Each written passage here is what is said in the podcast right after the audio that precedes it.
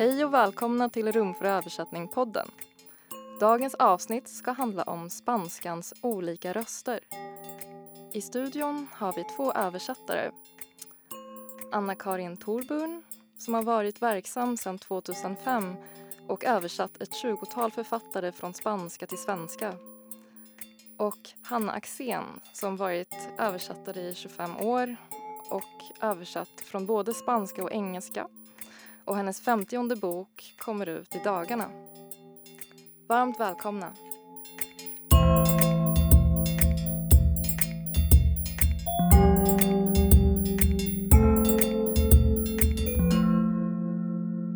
Spanskans olika röster heter vår rubrik idag. Och det är ju lite speciellt med spanskan att den är så geografiskt utspridd. Den talas i hela Latinamerika, en hel kontinent, och i Spanien i Europa. Och det är officiellt språk i 20 länder.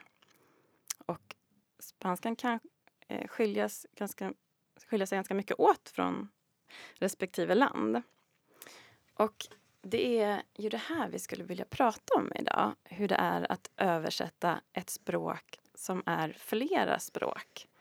Som är flera röster. Och jag är nyfiken på din väg till spanskan. Eh, vilken eller vilka sorters spanska du personligen har en relation till och hur den har utvecklats. Ja, min relation till spanskan började ganska sent på ett sätt. Det var inte i skolan eller så utan det kom sig att när jag var 20 år så träffade jag en man från Uruguay och då hade jag aldrig varit i kontakt med spanska innan faktiskt. Det kanske låter konstigt men man läste ju inte spanska då på eh, högstadiet som man kan välja nu. Så det var liksom inget som var närvarande i mitt liv på något sätt. Jag bodde ute på landet i småländska skogen. Men då blev det plötsligt Uruguay och eh, Argentina, Buenos Aires, Rio de la Plata. Och eh, du, förlåt att jag avbryter, men var det så att du, hur blev det? Du reste med den här killen ja, men, eller? Um, na, ja, det gjorde vi sen. Men först var det att jag blev ju så intresserad av det här med, med att jag ville också lära mig spanska och förstå liksom mm. vad han pratade med sina kompisar och föräldrar och mm. sådär. Så att, då lärde jag mig spanska på egen hand och vi reste en del till Uruguay och Buenos Aires. Och eh, jag lärde mig väldigt snabbt och det blev, liksom, det blev min för det, det blev spanska för mig och jag någonstans tänkte att ja, men det här är spanska. Mm. Så du kom jag... in i den kontexten och den ja. familjen och allting? Ja, precis. Och kände mm. mig oerhört hemma i det. det liksom mm. Verkligen hittade min röst, där vi talar om den spanska rösten. Och sen började jag läsa på universitetet och det blev ju väldigt ögonöppnare när jag insåg att oj, jag pratar ju tydligen en väldigt nischad del mm -hmm. av mhm. spanska. Det, fanns ju, det var ju folk där som hade varit i Mexiko eller pluggat i Spanien och det var en helt annan värld. Det blir ju en ögonöppnare Ja, först. för det är ju lite speciellt just med Rio de la Plata där det faktiskt är en annan grammatik. Att man ja. har ett annat ord för du och då också böjer alla verb på ett annat sätt. Det är ja. vos istället för do. Precis, en annan kultur som är mer kanske blickar mot Europa än i många andra länder i Latinamerika.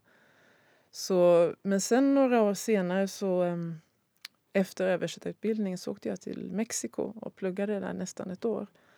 Och det var ju en helt ny värld. Mm. Där kom liksom min andra spanska in. Först var det en chock och jag förstod ingenting för det var så olika ord och det var så annat sätt att förhålla sig och att man niade på ett annat sätt. Mm. Och, um, men jag hittade till slut, kände jag där mot slutet att ja, men det här kan vara min spanska också. Mm. Eh, jag kan känna mig hemma i det här och känna någon slags inte ömhet eller men liksom jag känner att ja, men det här, jag ömmar för det här, liksom, mm. den här spanskan. Det blev del av dig? Också. Det blev en del av mm. mig, precis att det kunde vara min röst där också. Eh, och, eh, och sen för fem, sex år sedan så bodde jag i Spanien ett år. Det var faktiskt är konstigt nog nästan min första kontakt med kastiliansk mm. spanska. Mm. Alltså, För när du eh, läste på universitetet då var det någon sorts Då fick man ju lite välja själv. Man Ja. var ju tvungen att lära sig liksom, eh, kunna böja de verbformerna och sånt. Men det var ju ändå liksom ganska många som varit i Latinamerika. Så, Mm. så att... Eh, Ja, det är ju också en skillnad. Nu nämnde jag det här med vos, alltså du-formen, men det är också ni-formen i Mm. hela Latinamerika är ju ustedes. ustedes och i Spanien är det vosotros och då är Mm. det ju ehm, Alltså det motsvarar, i Spanien eh, motsvarar ju ustedes ni, alltså att man Mm. niar någon. Precis. Så det är också Mm.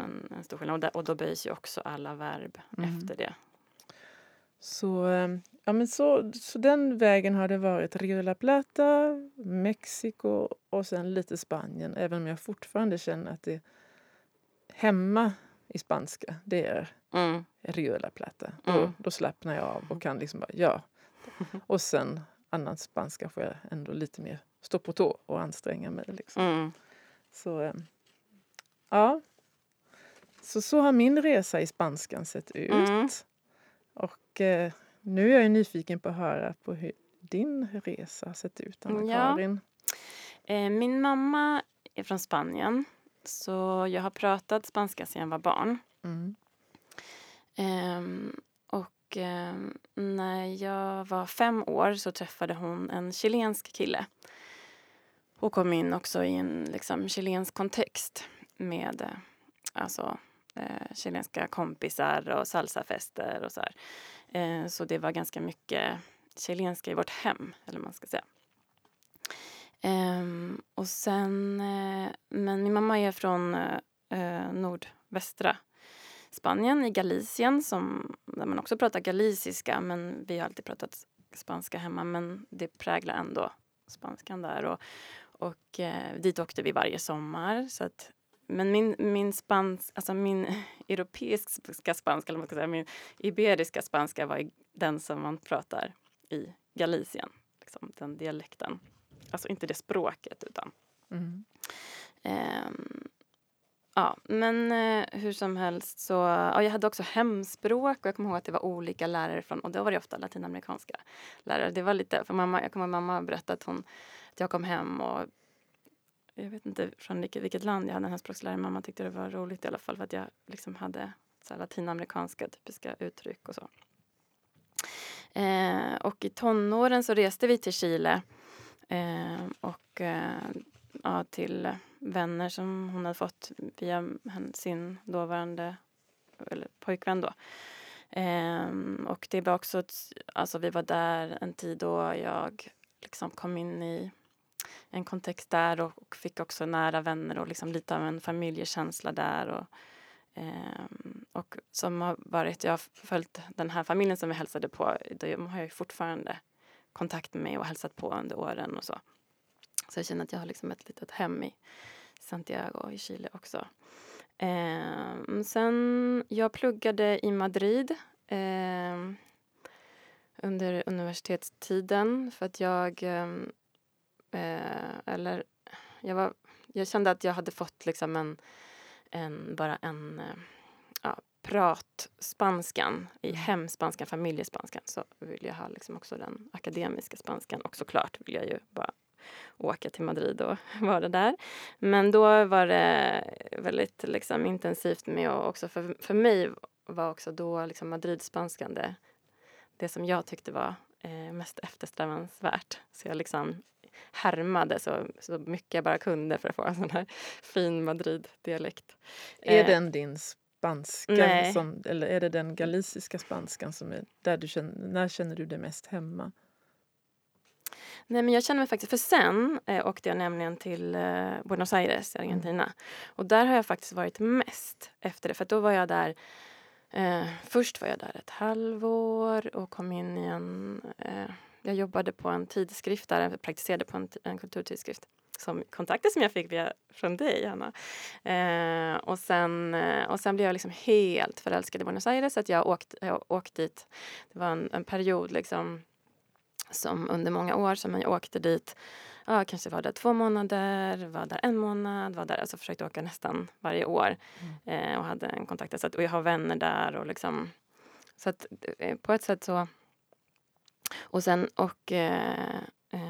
Men det är en liten rolig historia var att när jag, när jag kom från Madrid och med min, liksom, hade jag var riktigt varm i kläderna med min Madrid-dialekt och så kom jag till eh, Buenos Aires och så säger en, en eh, person där eh, Tenés un acento re gallego. Eh, vilket betyder då ordagrant, du har en väldigt galicisk eh, dialekt eller accent. Eh, och jag tänkte, men gud vad intressant. Alltså, de hör att liksom, jag har kvar något av mina galiciska liksom, moster och morbror och kusiner. Det sitter i min spanska. Men sen fick, förstod jag då att i Argentina dit det kom eh, var väldigt stor spansk invandring eh, tidigare eh, under 1900-talet. Och, eh, så då kallar man liksom, och många galicier just som, som reste dit, så då kallade man spanjorer för galicier. Så han menade att jag hade en väldigt spansk eh, accent. Eh, men det är sånt, eh, som, sånt som man... Ett av de orden som jag fick lära mig att är lite annorlunda där. Men, eh, och idag så... Mm, den jag pratar mest spanska med är faktiskt en eh, eh, mycket nära vän som är författare också och bor i Sverige, Virginia Iga, argentinsk författare. Och eh, hon, jag, eh, ja, henne, hon är den jag pratar mest spanska med idag. Och eh, då känner jag nog... Eh, så jag känner nog på ett sätt att Ja, jag vet inte. Både argentinsk, spansk och chilensk är de där jag känner mig liksom hemma med. Men min egen spanska känner jag är liksom någon sorts mosaik av olika spanska. Och jag har lite, lite svårt ibland, vissa ord, att hålla reda på vilka ord som tillhör vilka mm. länder och kontexter. Som, ja, det märkte jag till exempel i, i somras när jag var i Galicien så sa jag, ja, men som till exempel så sa jag, eh, finns det två ord för att parkera. Så sa jag eh, estacionar för jag tänkte att det är så man säger i Spanien. Eh, men eh, då sa min kusin så här, ah, du ska aparcar. Ja, vilket, eh, ja, det är såna där. Just det. Eh, så, så liksom, för jag tänkte liksom att eh, aparcar är väl ett mer amerikanskt liksom park och, mm. och så här. Men, men men så är det med eh, ganska många ord tänker jag i vardagslivet. Liksom, med att de heter olika i de olika ja. länderna. Mm. Och jag tänker jag har en bok här i min hand mm. av den, en eh, författare från Guatemala som heter Rodrigo Reyrosa. Och boken heter Förtrollade stenar. Och den kom ut på Bocca Pocky förlag. Och det är jag som har översatt den. Den kom ut för 20 år sedan ungefär. Och eh, jag tänkte att jag läser ett mm. litet kort stycke ur den för det är så tydligt där med de här olika eh, betydelserna av orden. Mm. Och det är då en man som har bott i Spanien i flera år och återvänder till eh, Guatemala som, som det är hans tankar då som vi hör här i boken. Säg inte automobil, inte heller coche. Här säger man coche om grisar, utan carro. Din mobiltelefon är inte en mobil utan en cellulär. Väggarna är fulla av pintas och inte av graf graffiti. Tar du dig ett glas heter det koppa istället för trago. Om man brukar kalla baksmälla för la resaca, la cruda eller el guachavo så heter det goma i Guatemala. För att komma upp till tionde våningen i ett höghus, du befinner dig då i den privilegierade delen av staden, tar du el elevador. Men idag fungerar den inte. Det är bara ett litet stycke där som visar just på det här hur olika vardagsspanskan faktiskt mm. är i de mm. olika länderna. Ja, det är väldigt träffande. Um, och också där när man reser och kommer tillbaka. Och, och märker skillnaden. Ja. Mm. Um, och jag tänker lite på det här. Hur tycker du att det här, om vi tänker gå över liksom till översättningen och hur detta påverkar det här ditt vilken spanska det är. Påverkar din relation till spanskan hur du förhåller dig till den text du översätter?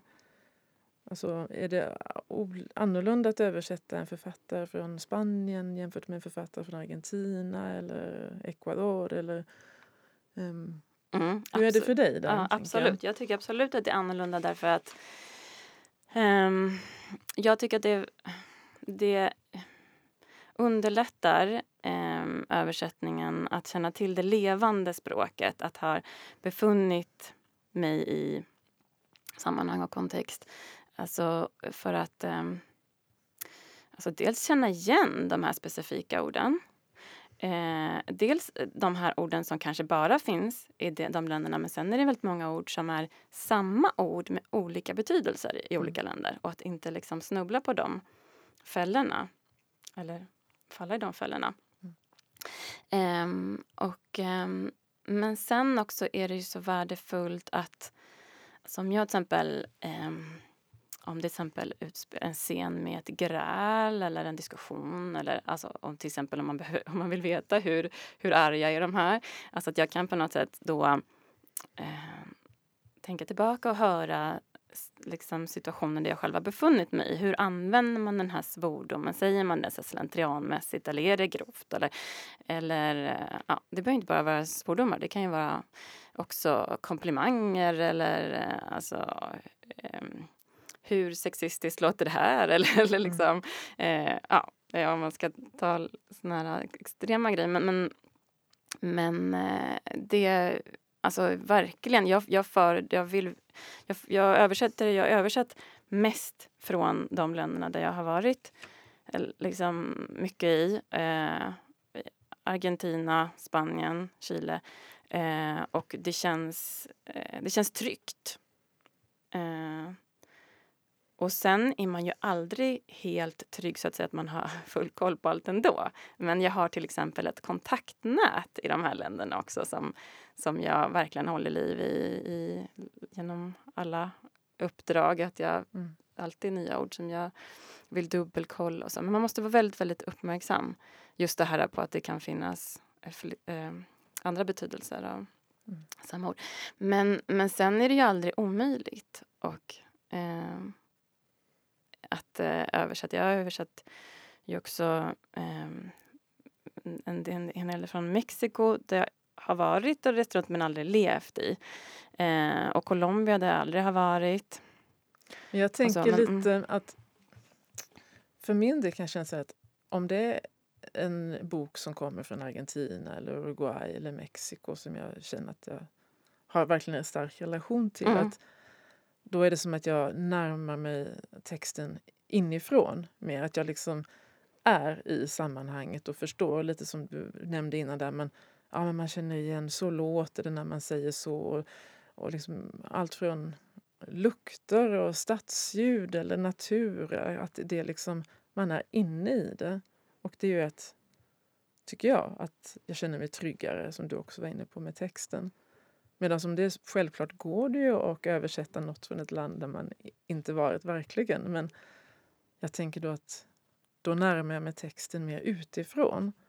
Och liksom måste närma mig landet också, den spanskan också. Kanske läsa in mig mer, ta reda på mer. Och, för att just inte falla i de där fällorna, förstå valörerna. Mm. Så det, Ja, Jag tycker Det- det är väldigt fint det- beskrivet. Eh, jag känner igen mig, absolut. Mm. Ja, det är något med detta att, och därför att det är så värdefullt att, att resa och, eh, Ah. och eh, bo helst. Och så. Ja.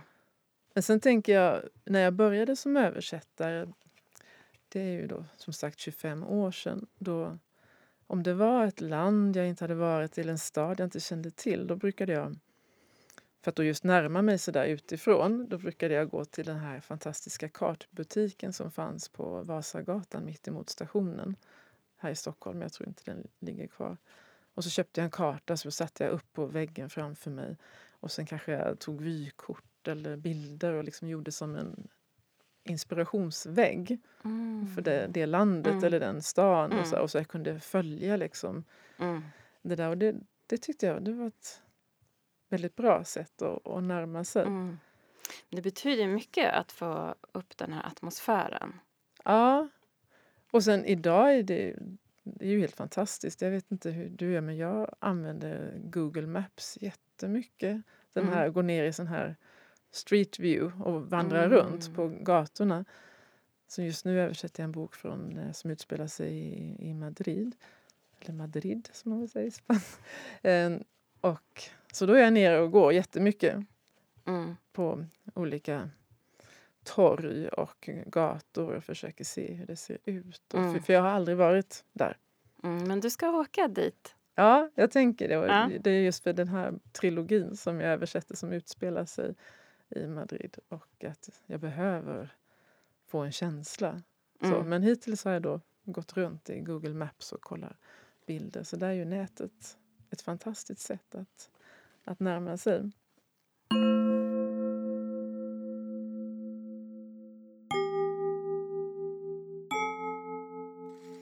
Ja, eh, vi pratade om betydelsen av att resa.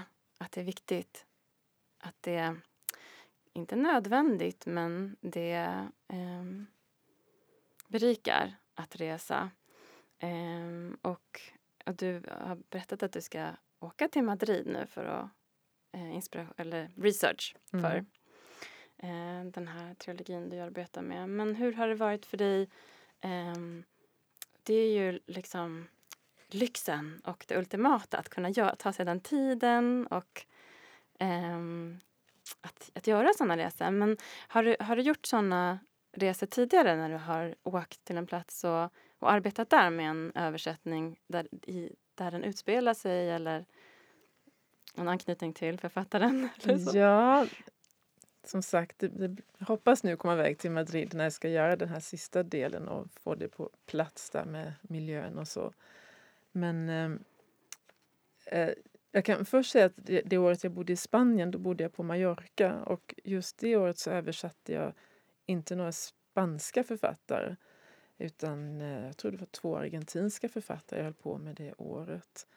Men ändå bara det att jag bodde i Spanien och hörde spanska hela dagarna. Jag satt där i arbetsrummet hemma och eh, hade fönstret öppet ut mot eh, gatan och så hör man liksom spanska ord komma flygande och sånt där och går och handlar sitt bröd på bageriet och har pratat spanska.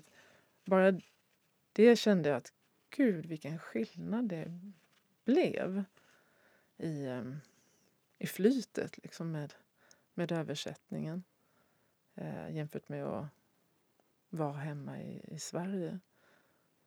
Sen, jag vet, jag vet såklart inte hur, om det påverkar resultatet eller om det är bara känsla men för mig var det liksom en, en kick att få sitta i ett spanskspråkigt land och jobba med en översättning från spanska. Mm. Man kan ju också tänka att det... Eh, alltså att man jobbar ju med svenskan, men att man just har... Att man då kanske... Eh, att man vill ha lite distans också från spanskan. Eh, Ja. Att man kommer in i en span, alltså att man är kanske lite väldigt mycket inne i den spanska melodin och så när man jobbar med den svenska texten. Men, men eh, man får ju en helt annan förståelse. För, Ja, och att man just har det, att man är då, mer i det Mm, på något sätt och mm. inte utifrån. Liksom. Mm, det blir de här nyanserna då också, det där med som vi var inne på tidigare, Ja. när man hör liksom något rop på gatan och alltså att det är så här, ah, Ja, men hur... Med temperamentet Ja, och mm. sammanhanget och liksom sådär. Och sen så var det ju en gång som var när jag verkligen jobbade med en text på plats. Det var jag översatte eh, El viajero del siglo av Andres Neumann eh, som tyvärr inte har kommit ut på svenska Mm, än för förlaget eh, la ner innan översättningen hann komma ut. Men han är från, född i Argentina men uppvuxen i Spanien. I, bor i Granada. Och eh, då var jag nere en vecka i Granada och hälsade på honom. Och eh, fick eh, bo i hans eh, arbetslägenhet. Som han var så snäll och utrymde åt mig. Och då satt jag och jobbade med hans mm, bok vid samma skrivbord, i samma lägenhet, samma skrivbord som han hade skrivit den här boken. Och det var ju fantastiskt. Och sen träffades vi på kvällarna och gick igenom mina frågor och texten och allting. Och sen var det också i den här eh, boken så eh, är det en kyrkklocka som återkommer hur den slår liksom. Och på kvällen och då ska alla gå hem när klockan slår åtta eller tio vad det är. Och eh, så inser jag att men gud, det, det är ju den klockan som hörs där jag sitter. Liksom som han har vävt in i texten. Så då fick jag en så otrolig inspiration. Jag, vet, Mm. jag bara satt så där på ett flöde som jag nog aldrig har gjort innan och bara skrev och skrev och skrev. Jag sov nästan ingenting. Jag liksom satt där i han- hans arbetsrum och sen pratade med honom och, och sen hörde precis det han hade hört. Gud, vilken upplevelse. Ja, så det Men- var ju väldigt lyxigt. Så. Ja, men det är lite speciellt med honom för han har ju som två språk. Alltså både den argentinska och, Ja, och det. den eh, europeisk-spanska. Mm. Använder han ser det när han skriver också? Ja, det gör han. Just den här romanen så har han en ganska neutral spanska därför att den utspelar sig i ett påhittat land kan man säga. Eh, någonstans i nordöstra Europa kanske. Eh, men de talar ju, alltså det är spanska är språket men det är inte en spanskspråkig miljö så där är den ganska neutral. Men sen Mm. så har han ju skrivit böcker som utspelar sig i Argentina och då använder han sig av den argentinska spanskan och jag vet också att då i vissa böcker så leker han ju med det här med skillnaderna. Nu har ju inte jag översatt dem liksom, men att vi pratade om det han sa att det, det kan nog bli svårt för att det är en bok där han verkligen olika personer, någon har en spansk spanska och någon har då argentinsk spanska och att det blir mycket lek kring det här med, med skillnaden. Och sånt där är ju, kan ju bli väldigt svårt i, Och översätta. i översättningar. Precis. Ja. Men jag tyckte också det var spännande det här utdraget du läste. Då behöll du ju naturligtvis på, på spanska. Ja, just det. Eh, så det var också intressant att få den inblicken. Att få höra de olika. Ja, orden jag kände att det var nästan går ju enda inte att sättet Ja. att, att lösa det och då blir det också Mm. så tydligt att det är så, Mm, så mm, olika. mm, mm. Har du haft någon sån där eh, upplevelse av att sitta och Översta på plats och hur har det påverkat dig och texten och arbetet? Och... Ja, en av de eh, första eh, romanerna jag översatte, Bebådelsen av Maria Negroni. Eh, den översatte jag i Argentina. Och det var väldigt fint för att eh, den är... Ehm, den utspelar sig delvis under diktaturen. Eh, skildras en motståndsrörelse. Eh, så det är väldigt mycket politiska referenser. Eh, och väldigt specifikt då till, till den här tiden. Eh, och det var ju eh, väldigt bra för att jag hade ett eh, nätverk där av författare och skribenter och så som kunde hjälpa mig ehm, och förklara de här orden som var väldigt svåra för mig liksom att, att eh, förstå sådär själv på en gång. Men, men och så var det också, och Maria Negroni hon eh, bodde då i New York men hon var en tid då i Buenos Aires också. Så då, då passade vi på och ehm, jag hade ju väldigt mycket frågor för den, den var en väldigt speciell bok och väldigt svår, den liksom nästan som en eh, roman i diktform, väldigt eh, koncentrerad. Ehm, och den har så många lager då också i och med det här med det politiska och så. Eh, och det var jättefint liksom att sitta i, ja men som du beskriver, att sitta där i lägenheten och gå ut i den spanskspråkiga världen som just var den här argentinska som eh, är i boken.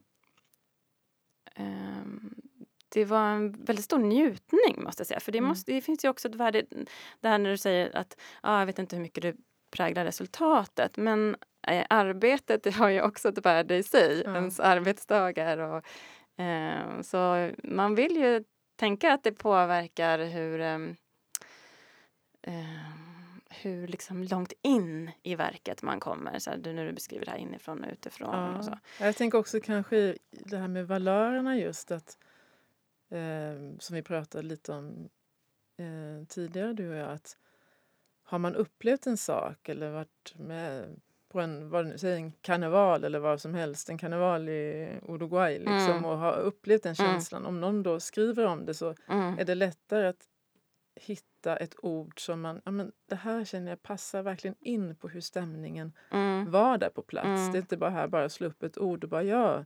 livfullt. Eller utan man vet Mm. precis känslan. Mm. Jag tänker att det kanske inte blir någon enorm skillnad men någonting Mm. tänker jag ändå att det borde Mm. bli om, om man har en närhet. Sådär. Samtidigt kan jag tycka det är fascinerande att man ändå kan närma sig ett land och en miljö så mycket utan att ens ha varit där. Mm. Jag, vet inte, du tänker, men jag kan känna när jag sätter mig på min arbetsplats så där ibland att jag bara, men, jag går ju in i den världen. Jag går Mm. in och är ju i det landet, i den Ja. stan och i den miljön. Och, och kan, när jag kommer hem kan jag känna att idag har jag ju varit Mm. där på Ja, något sätt. Att man ju- ändå närmar sig och går in i det så mycket. Att det, Det är ju litteraturens premisser och magi. ja. Så är Och det ju ju. bättre texten är desto lättare är det ju att komma in i, Ja, i den världen och göra den till sin. Mm. Även om den inte är det från början. Ja, verkligen. Men jag, jag tänkte på en grej som ehm, du berättade om tidigare. Eh, du översatte Isabella Allende. Mm. Kan du inte berätta den här scenen? Ja, just det. Om, om- precis, Isabella Allende som ju är från Chile från början, bott många år i Venezuela och nu sedan, jag vet inte hur många år, 30 år kanske bor hon i USA, i Kalifornien. Och jag har översatt de åtta senaste av hennes romaner då. Hon skriver fortfarande på spanska. Och eh, ganska ofta utspelar de sig i Latinamerika, Chile, Venezuela, kanske i Kalifornien ibland. Men så var det en roman som utspelade sig i New York och eh, norr om New York och det var vintertid.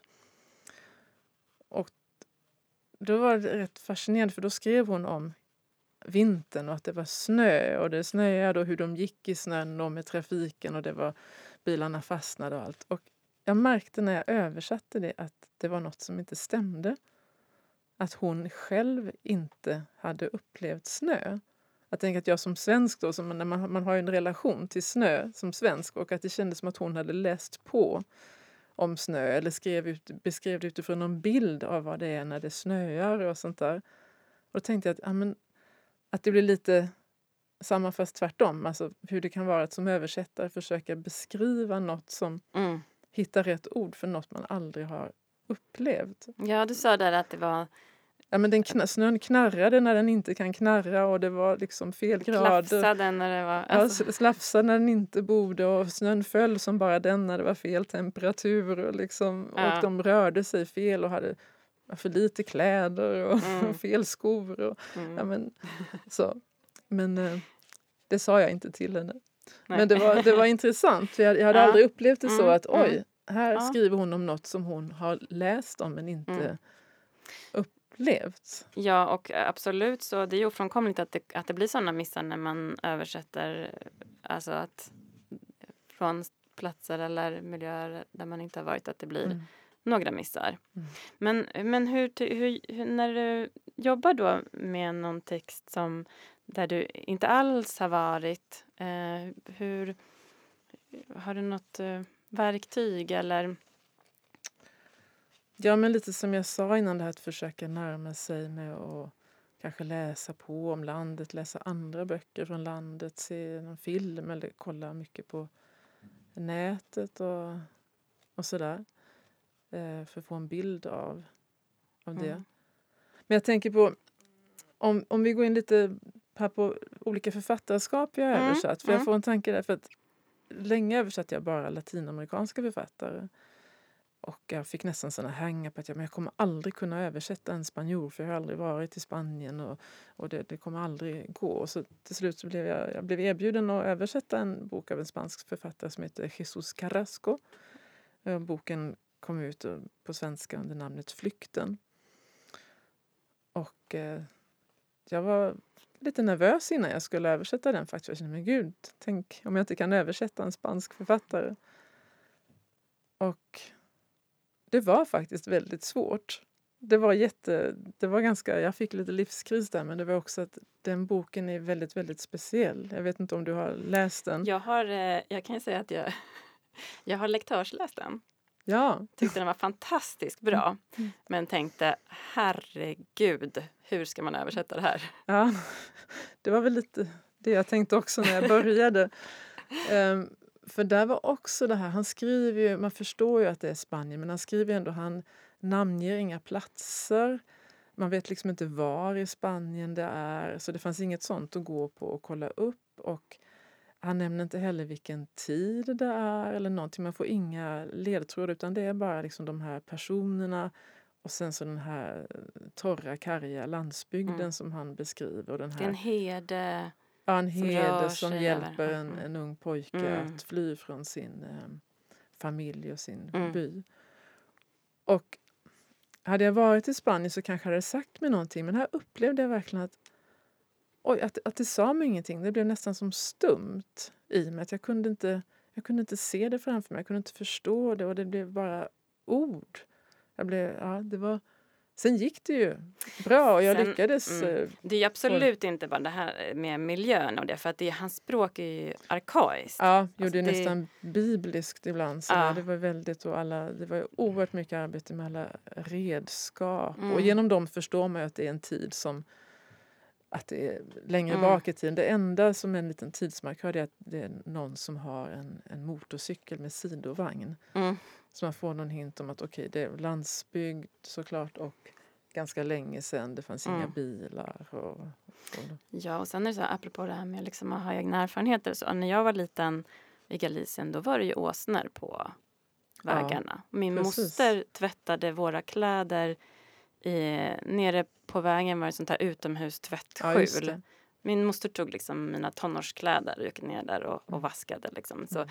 alltså, att man vet att det här är, så kan det vara i modern tid. Ja, jo precis. Och, Ja. och jag hade väl inte riktigt den bilden av Spanien att det så pass länge var så fattigt och enkelt Ja. på något sätt. Men sen var det intressant för då för fem, sex år sedan så bodde vi i Spanien som sagt ett år. Och då var det som att den boken landade i mig på riktigt. För det var första gången jag verkligen fick en relation till Spanien. Mm. Och då kände jag att ja, okej. Det var så här det såg ut där han gick liksom. Mm. Det var så här det var när han kämpade med de där träden och de där nötterna som trillade ner från träden och de här fåren som sprang runt och herden. Och Mm. då kände jag okej, nu, nu, nu förstår jag. Mm. Så där hade det verkligen, jag hade behövt vara i Spanien Mm. innan jag översatte den. Men, det- men den var så Mm. speciell. Jag tycker det är fint när du berättar att man förstår också mm, eh, hur, hur liksom nära ett, en, ett uppdrag, ett verk kan komma en översättare. Alltså det här Mm. med att du flera år senare tänker tillbaka, det landar dig. Att det, ehm, det eng- engagemanget som en översättare ofta har i sina uppdrag. Det är inte ehm, Ja, men det kommer ju en hantverk så som helst. nära. Man Mm, sitter ju också så mycket med Mm, det. mm. Så Hela ens själ blir Mm, ja. engagerad. Men jag tänker, kan inte du berätta lite Anna-Karin om några olika, alltså man tar några olika författare och liksom det hade varit väldigt olika men att översätta från spanska det kan ju vara allt från Mm. moderna stadsmiljöer Mm. till eh, fattig landsbygd och hur det har, hur det har varit. De. Ja, eh, jag kan ju säga den senaste eh, översättningen som kom ut var en, en översättning från Colombia, Tiken eh, av Pilar Quintana. Och jag har ju då som sagt aldrig varit i Colombia. Ehm, så det var nytt för mig och den här utspelar sig också i djungeln. Och eh, så det, ehm, och det är också lite speciellt om tar sig fram med liksom kanoter och ehm, som och det är väldigt mycket lokala ord, till exempel just kanot var inte alls liksom eh, alla de här och, och liksom paddel och brygga var inte alls de här vanliga orden för det. Det var ord som inte fanns i liksom inte hittade i någon ordbok i, i liksom, eh, även Spanska akademins ordbok utan det var sånt som man bara hittar när man googlar och hittar någon liten text eller någon liten, något foto med någon liten bildtext och så hittar man... Alltså man det här, man blir ju sån eh, extremt eh, skicklig detektiv ja. på research. Som Verkligen detektivarbete.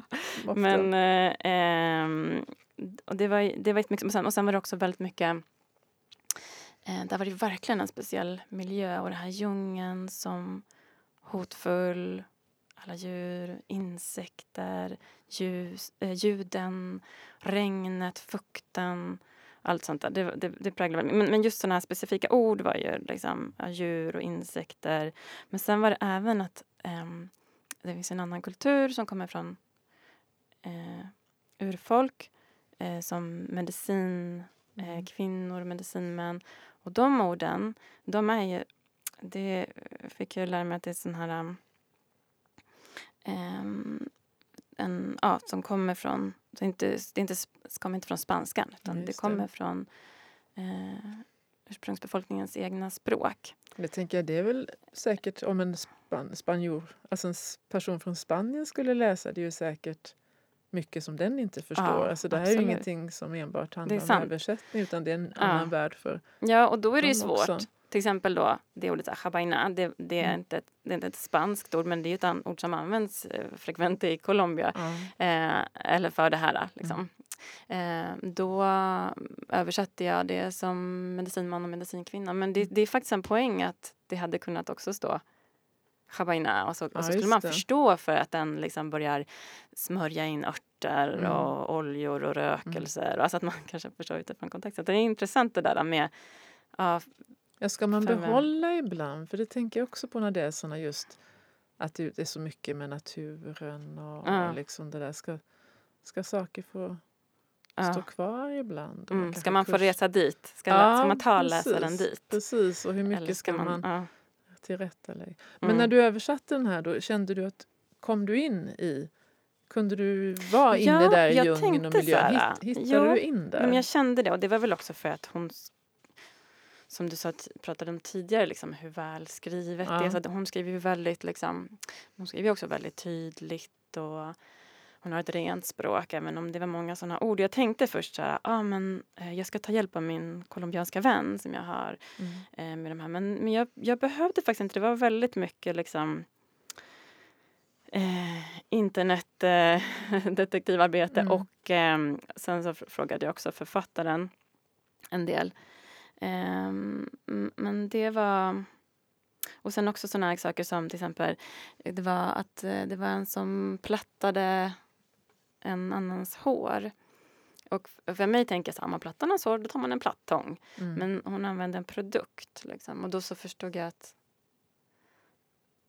att jag förstod liksom att aha, så fick, så liksom fick jag läsa på hur liksom gör, man, gör man en pl plattar man hår i Colombia. Ja, då, liksom, då använder de en, då använder de en liksom sorts kräm liksom, eller en, någon sorts eh, kemisk produkt ja. som liksom gör håret platt. Alltså det är sådana där grejer som man, att man inte slänger in en plattång där då utan att man får, man får, man får verkligen vara uppmärksam. Och sen ja. typ så smord som typ, det var väldigt mycket balkon som då betyder ju balkong på spanska mm. men jag förstod så här, jag bara, det var ju också sådana här trähus på pålar och jag tänkte så här, men, sen så förstod jag att ja, men det är verandor. Alltså då fick jag också bildgoogla. Ja, alltså, hur, hur, nu vill jag titta på ett sånt här trähus på pålar mm. i en, en djungelby. Mm. hur ser de ut? Finns det någon balkong? Mm. Nej, de det gör det inte. inte det finns verandor liksom.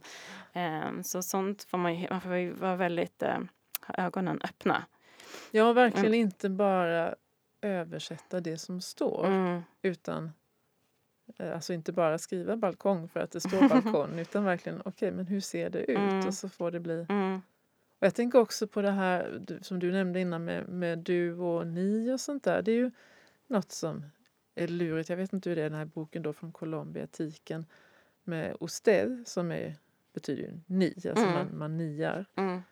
Att det kan ha så olika valör mm. i olika mm länder. Det, är liksom, det insåg jag i någon bok, det tror det var i Centralamerika, att, att osted kan vara att man säger det till små barn, att det är lite mm. kärleksfullt eller mm. att man inom familjen och mm. inte, inte alls. Jag vet inte, var det något att du märkte med sådana saker också i den här? Um, det förekom ju att mm. de niade i högre grad än på svenska. Som, mm. men, eh, men det var inget jag tänkte på så att det var inom liksom familjen och så. Nej. Men det, ja, sånt är ju värdefullt att känna till. Mm.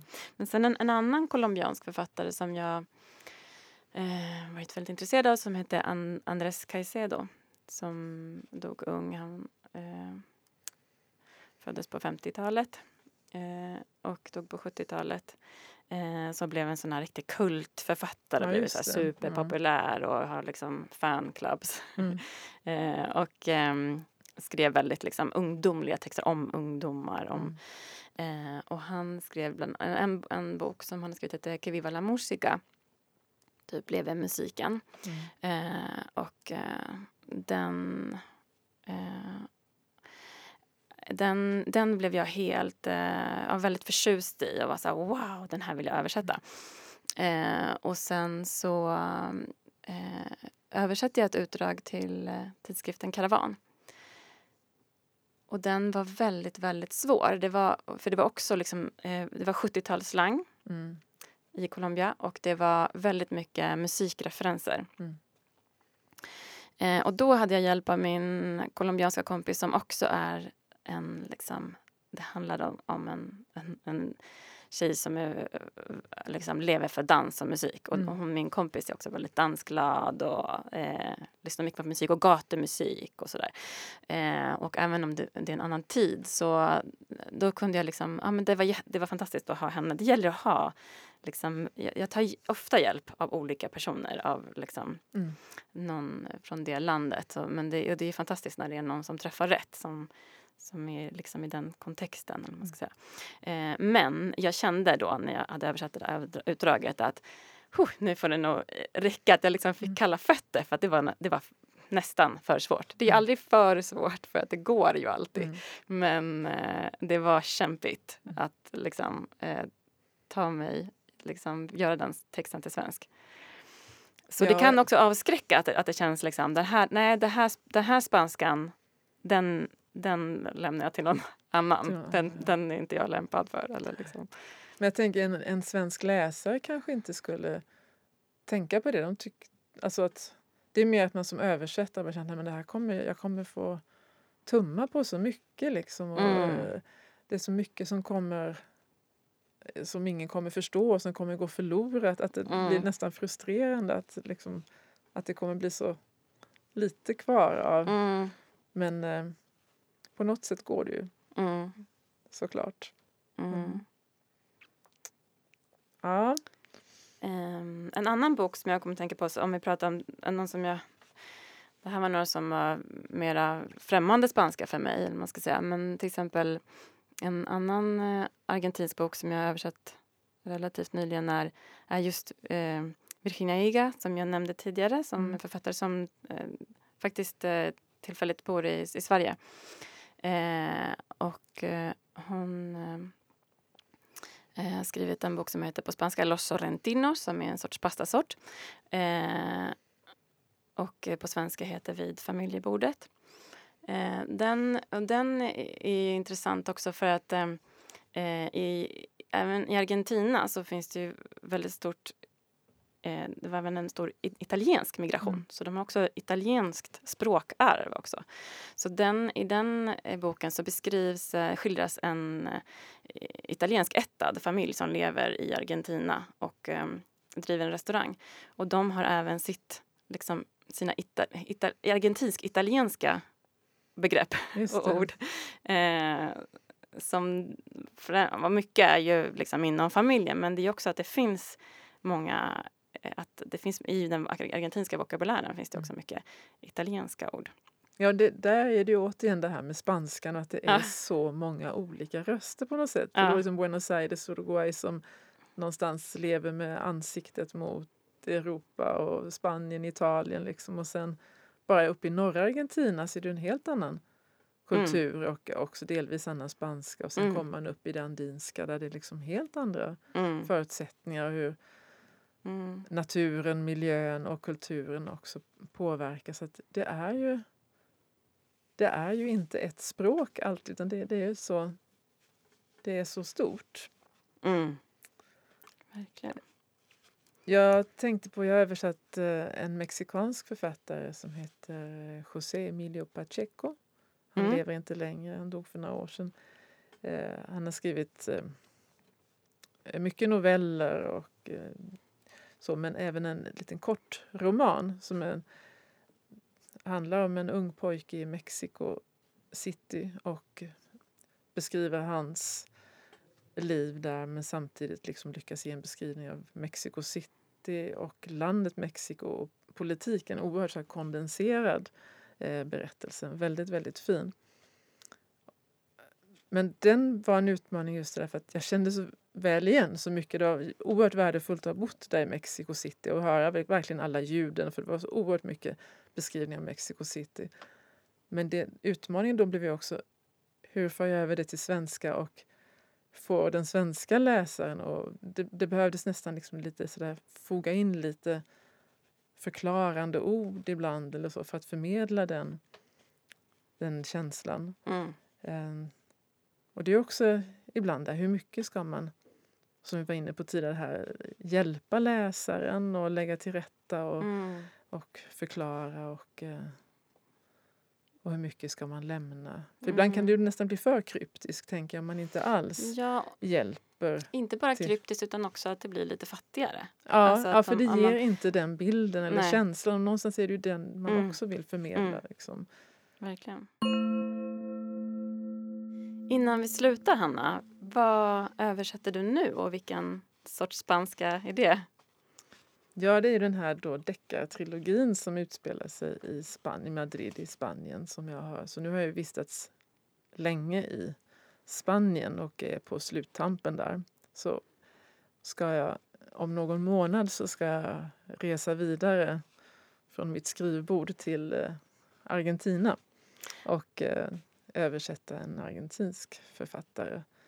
Eh, och eh, som utspelar sig mest i Buenos Aires men också ute på landsbygden. Så där kommer det bli andra utmaningar. Men det ska bli roligt att få landa i Rio de la Plata igen och Komma hem. jag komma hem. För nu har jag varit på utflykt länge här i Spanien så nu ser jag fram emot att nu är jag och hemma.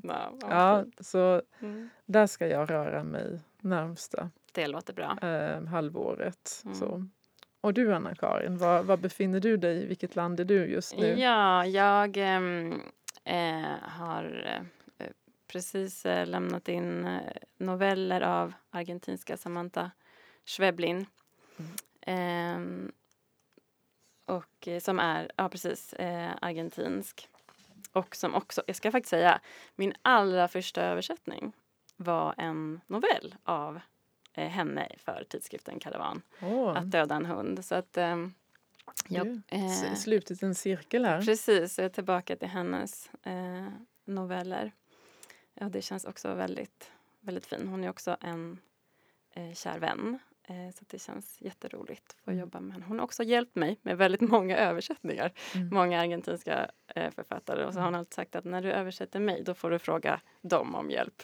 Just det. Eh, men hon, hon finns där ändå. Eh, och sen därefter så är det en uppföljare av Pilar Quintana som har skrivit Tiken.